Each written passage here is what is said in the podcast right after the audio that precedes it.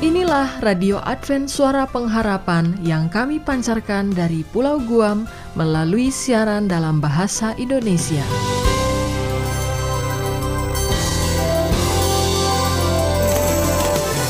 Salam sejahtera kepada saudara pendengar di mana pun Anda berada. Selamat berjumpa kembali dengan kami Radio Advent Suara Pengharapan.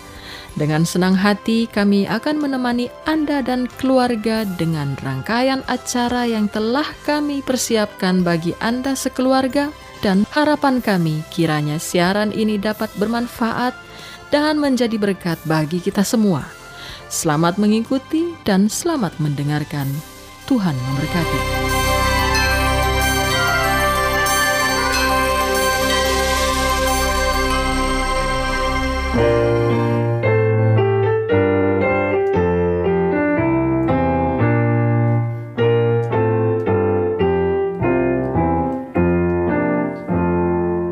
Pendengar yang budiman, Anda akan segera mengikuti ruang Alkitab menjawab yang akan disampaikan oleh Pendeta Andri Dembani dan Ayura Joseph Mani.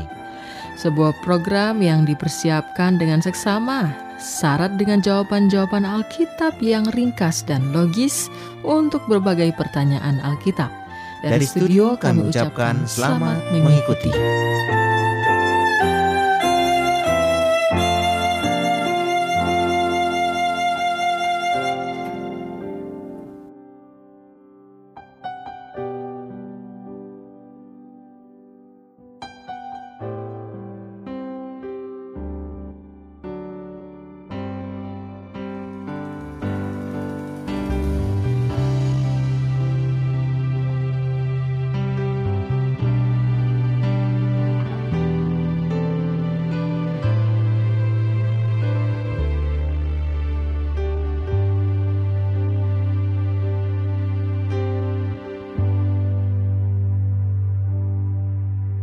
बगत तन्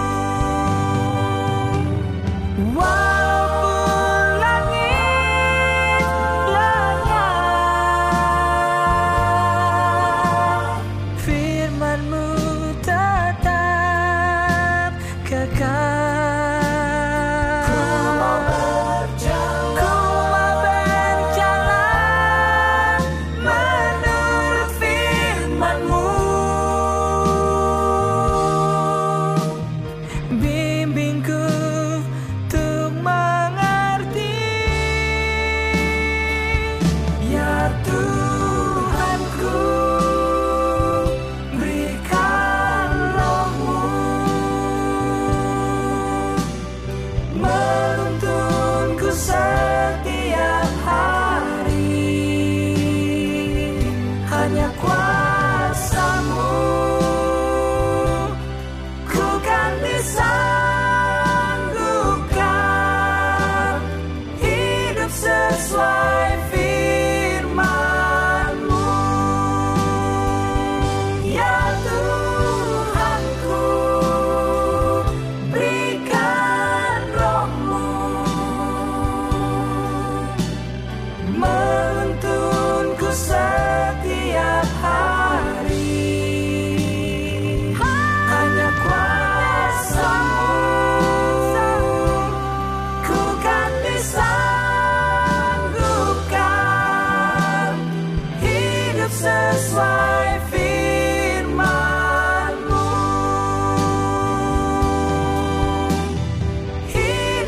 That's.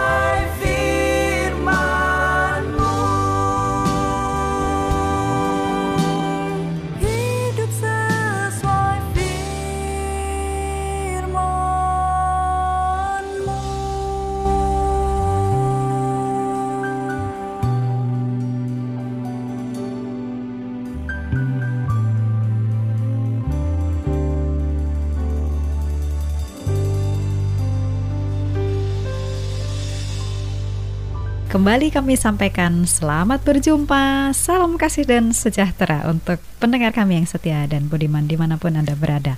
Terpujilah Tuhan, kita masih kembali memiliki waktu ini bertemu kembali lewat udara dan akan melanjutkan ruang Alkitab menjawab. Pendeta Daimbani yang setia melayani kita sudah hadir bersama dengan kita di studio. Dan kita masih akan lanjutkan tentang gaya hidup nih. Gaya hidup yang bagaimana? Yang berkenan kepada Allah tentunya ya. Namun sebelum kita lanjutkan, ayo bersama dengan saya para pendengar. Kita sapa dulu Pendeta Daimbani. Halo Pendeta, selamat datang. Bagaimana kabar? Baik-baik Ayura, terima kasih. Semoga pendengar juga dalam keadaan baik-baik. Dan saya berharap pendengar juga di rumah sudah boleh memiliki satu gaya hidup yang lebih baik. Iya, itu harapan kita Betul. pendeta dengan pertolongan Tuhan ya. Amin. Jadi menghidupkan gaya hidup memang harus dimulai bertahap itu. Betul. Tapi tapi kita memang harus tekun karena saya masih ingat tuh pendeta ayatnya, siapa yang membinasakan tubuh Allah Allah akan Bait Allah, membinasakan bait Allah. bait Allah ya, maaf. Bait Allah maka Allah juga akan Betul. membinasakannya. Nah, sekarang ini ke pertemuan yang kemarin ini kita berhenti sampai bagaimana membedakan mana yang halal, mana yang haram. Oleh sebab itu saya saya tagih nih sekarang. Pendeta kasih Iya. tahu sama kita bagaimana membedakan yang halal, yang haram. Baik, saya eh, karena pembahasan kita beberapa pembahasan terakhir ini lebih menjerus kepada eh, masalah Makanan, makanan, ya. ya. Bahan bakar bagi tubuh kita ya sudah Betul. diatur sedemikian rupa oleh yang menciptakan kita.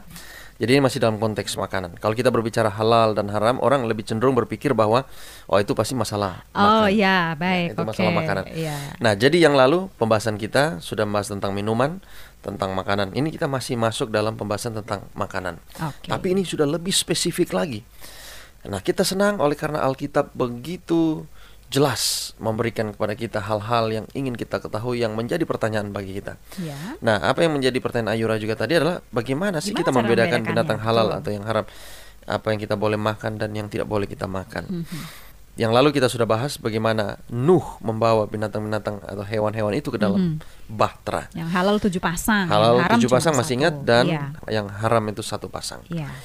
Nah, untuk itu saya ingin mengajak pendengar dan juga Ayura kita coba lihat salah satu bagian yang sangat jelas Mhm. memberikan petunjuk bagi kita yang memang khusus membahas tentang apa yang kita sebagai manusia boleh makan dan tidak boleh makan. Hmm. Karena ingat prinsip kita sejak pembahasan-pembahasan terdahulu, dengan tubuh kita kita akan apa? Memuliakan Allah. Memuliakan Allah. Kita Iya. akan menjadi persembahan bagi Yang Tuhan hidup, yang betul. hidup. Bagaimana kalau kita sakit-sakitan merusak tubuh kita ya dengan Hmm, hal-hal yang tidak boleh ada dalam. Iya. Itulah sebabnya bayangkan sampai kalau saya katakan yang lalu dalam pembahasan kita, kalau mobil bensin jangan dimasukkan bahan bakarnya solar atau minyak tanah, tidak berfungsi. Apalagi Begitu jus juga, buah. ya apalagi jus. Walaupun baik untuk kesehatan, tidak baik untuk mesin. Untuk mesin, Ya. ya, betul. Jadi tubuh kita pun juga begitu, sudah ada aturannya. Ada pedoman supaya tubuh ini tetap sehat. Saya ingin mengajak pendengar untuk membaca dari Imamat pasal 11 ayat Imamat. 1 sampai 4. Baik, masih di perjanjian lama ya, Masih di perjanjian ya? lama. Imamat Ya. 11 ayat 1 sampai 4. Jadi ini peraturan-peraturan yang awalnya sudah diberikan kepada manusia Oke. supaya kita sehat. Tapi Betul. saya tidak tahu, mungkin kadang-kadang manusia lupa akan hal ini. Sehingga akhirnya terjadilah hal-hal yang seperti sekarang kita Itulah temukan. pentingnya untuk diingatkan kembali pendeta. Iya, mari kita lihat baca bersama. Imamat 11 ayat 1 sampai 4. 1 sampai 4. Ya. Lalu Tuhan berfirman kepada Musa dan Harun, katanya kepada mereka, Katakanlah kepada orang Israel begini, Inilah binatang-binatang yang boleh kamu makan dari segala binatang yang berkaki empat yang ada di atas bumi. Hmm. Jadi ayat ini memang secara spesifik mengajarkan kepada kita. Allah berikan ini kepada bangsa Israel. Musa menuliskan, melanjutkan itu kepada kita. Mhm. Inilah binatang-binatang yang boleh kamu makan dari segala binatang yang, Yang berkaki, berkaki empat yang ada di atas bumi. Oke. Ini adalah penjabaran dari apa yang saya sudah sebutkan dalam pembahasan terdahulu kejadian Di 9 kejadian ayat 9, 3. Betul. Di sana hanya disebutkan bahwa apa? Semua yang bergerak aku memberikan itu sebagai makanan sama seperti aku memberikan apa? Tumbuh-tumbuhan hijau. iya, tumbuh-tumbuhan Tapi hijau. tidak semua itu yang dimaksudkan. Semua di situ adalah ada aturan, Oke. ya. Semua yang dimaksudkan ada batasannya. Jadi inilah kita akan lihat, ya. Baik. Setiap binatang ayat yang kedua atau ayat ketiga, setiap binatang yang berkuku belah, yaitu yang kukunya bersela panjang dan yang memama biak boleh kamu makan.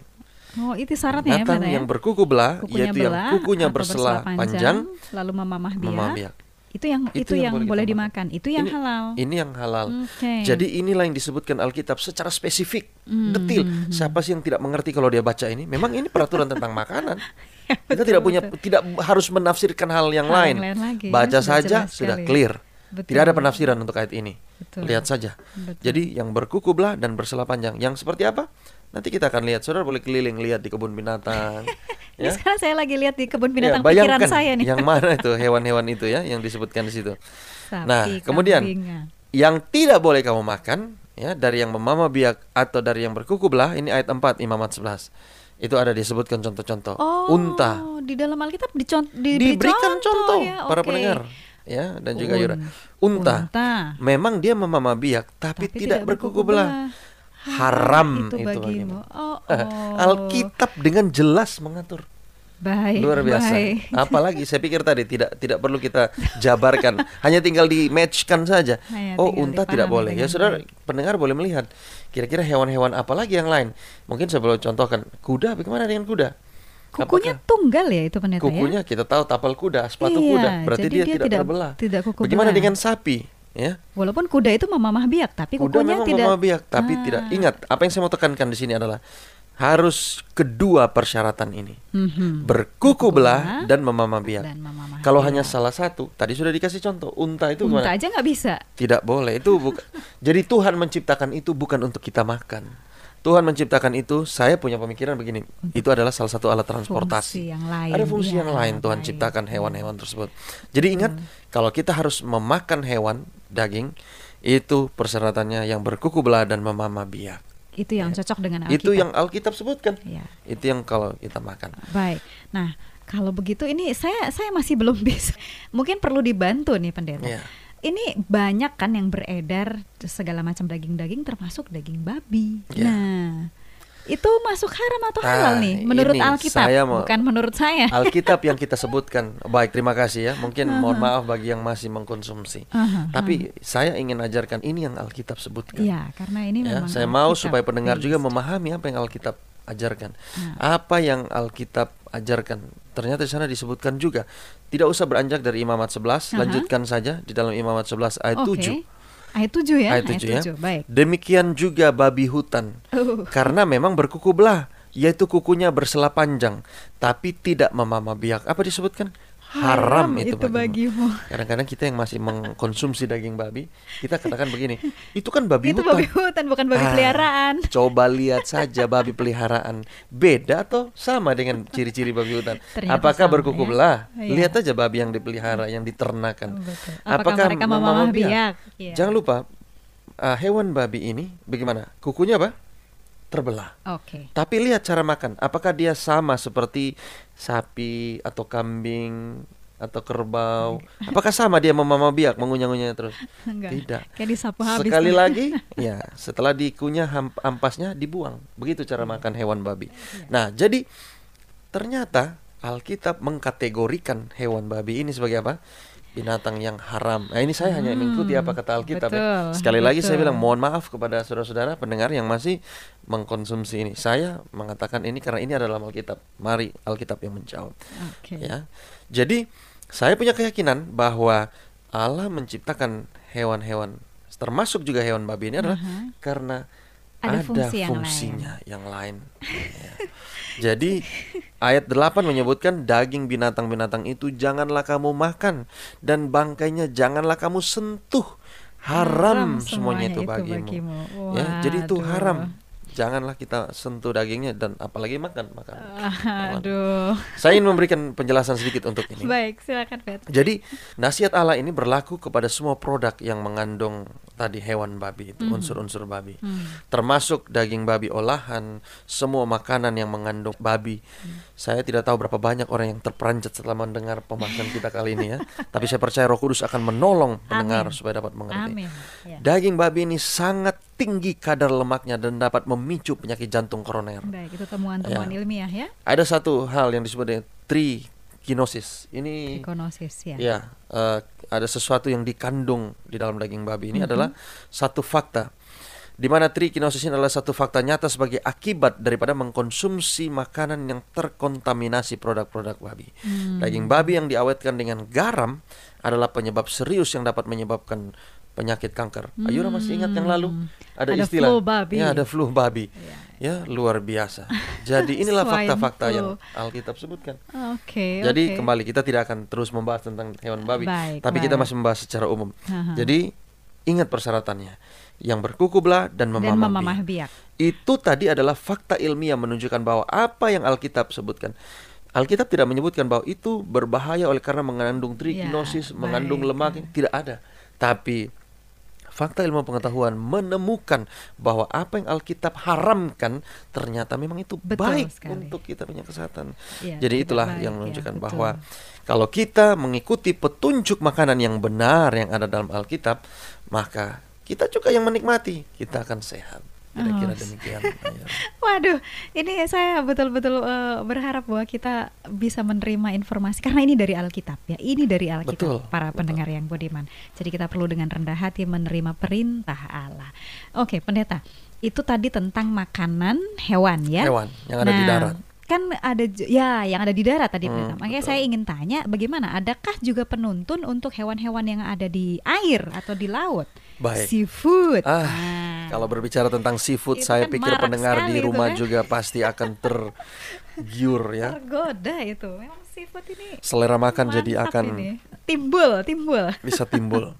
Baik, saya akan secara cepat oleh karena waktu kita yang singkat. Ya. Rupanya di dalam Alkitab juga Allah mengatur tentang prinsip umum makanan-makanan kita bisa makan yang hidup di dalam air. ya Jadi jangan lupa kembali saya katakan tidak semuanya. Jadi Alkitab memberikan secara spesifik.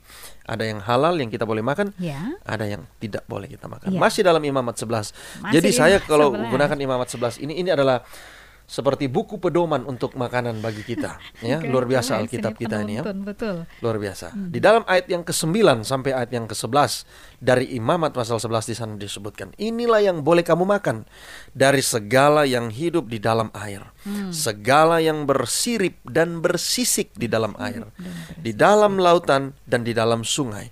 Itulah semuanya yang boleh kamu makan.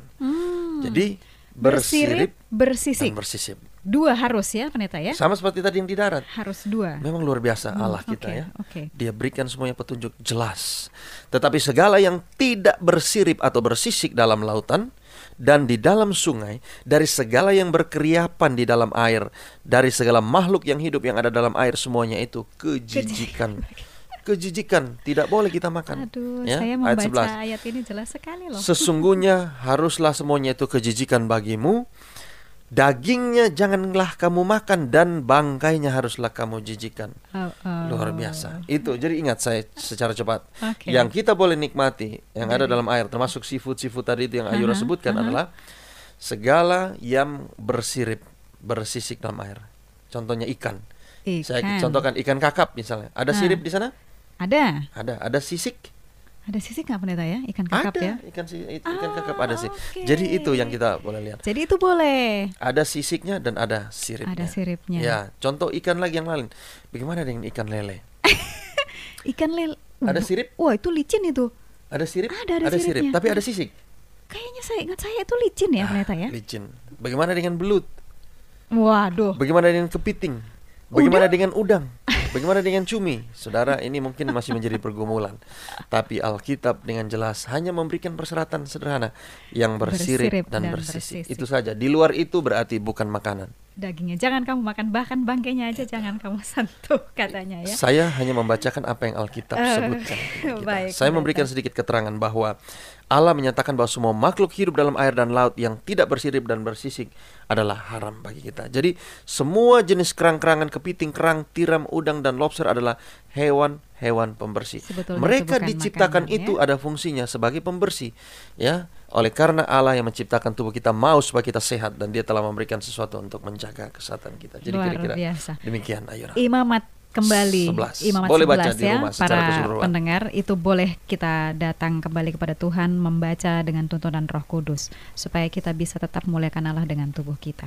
Waktu membatasi kita oleh sebab itu saat ini untuk menutup eh, diskusi kita kali ini topik kita belum berakhir kita akan lanjutkan dalam pertemuan berikutnya dan kalau ada pertanyaan layangkan kepada kami alamatnya Anda dapatkan di akhir dari program keseluruhan. Pendeta mohon doakan kami Baik. semua untuk hal ini. Mari kita sama-sama berdoa. Bapa kami dalam sorga, kami sangat bersyukur dan berterima kasih kepadamu Tuhan Ya, oleh karena satu pembahasan yang mungkin mengagetkan kami. Hmm. Tetapi itu adalah fakta yang ada dalam Alkitab. Engkau mau agar kami memiliki tubuh yang sehat. Ya. Engkau sudah mengatur semua apa yang boleh kami makan, yang halal, yang sesuai dengan hukum. Ya. Bapa di sorga kami berdoa Mungkin ada dari para pendengar yang belum mengetahui sebelumnya Tetapi bila mana kami sudah mendengar dan mempelajari Dan kami sudah mendapatinya di dalam Alkitab Bahwa Tuhan telah mengatur apa yang boleh kami makan Apa yang tidak boleh kami makan Tolonglah masing-masing kami Bapa Agar kami diberikan kemampuan dan kesanggupan Untuk menuruti apa yang Engkau kehendaki dalam Ya, kehidupan kami Tolong kami untuk kami dapat memiliki tubuh yang sehat Dengan memiliki gaya hidup yang sehat Dengan memasukkan makanan-makanan yang sehat, yang halal yang sesuai dengan Engkau kehendaki. Berkati kami semua Bapa, kami masih akan bertemu dalam pembahasan kami yang lanjutnya. Biarlah Tuhan akan menuntun Ya. kami, pertemukan kami. Inilah doa kami, ampuni dosa kami di dalam nama Yesus kami berdoa. Amin. Amin.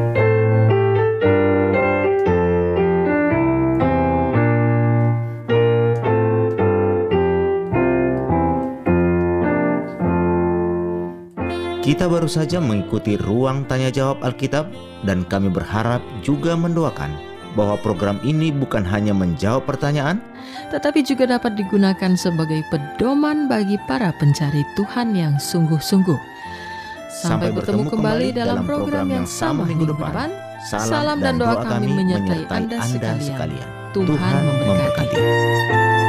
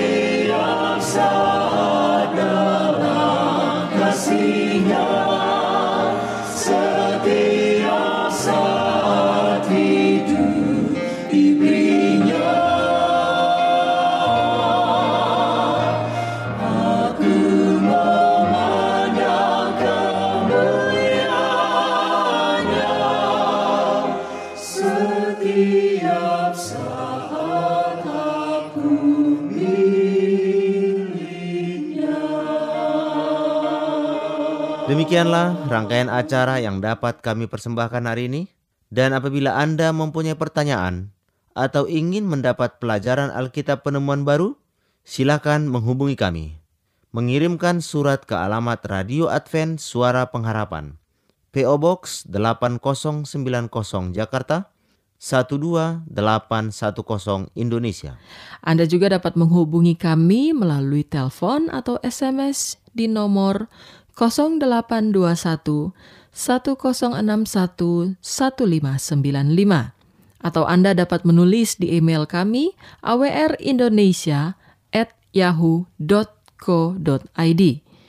Anda juga dapat bergabung di Facebook kami Pendengar Radio Advent Suara Pengharapan atau di Radio Advent Suara Pengharapan.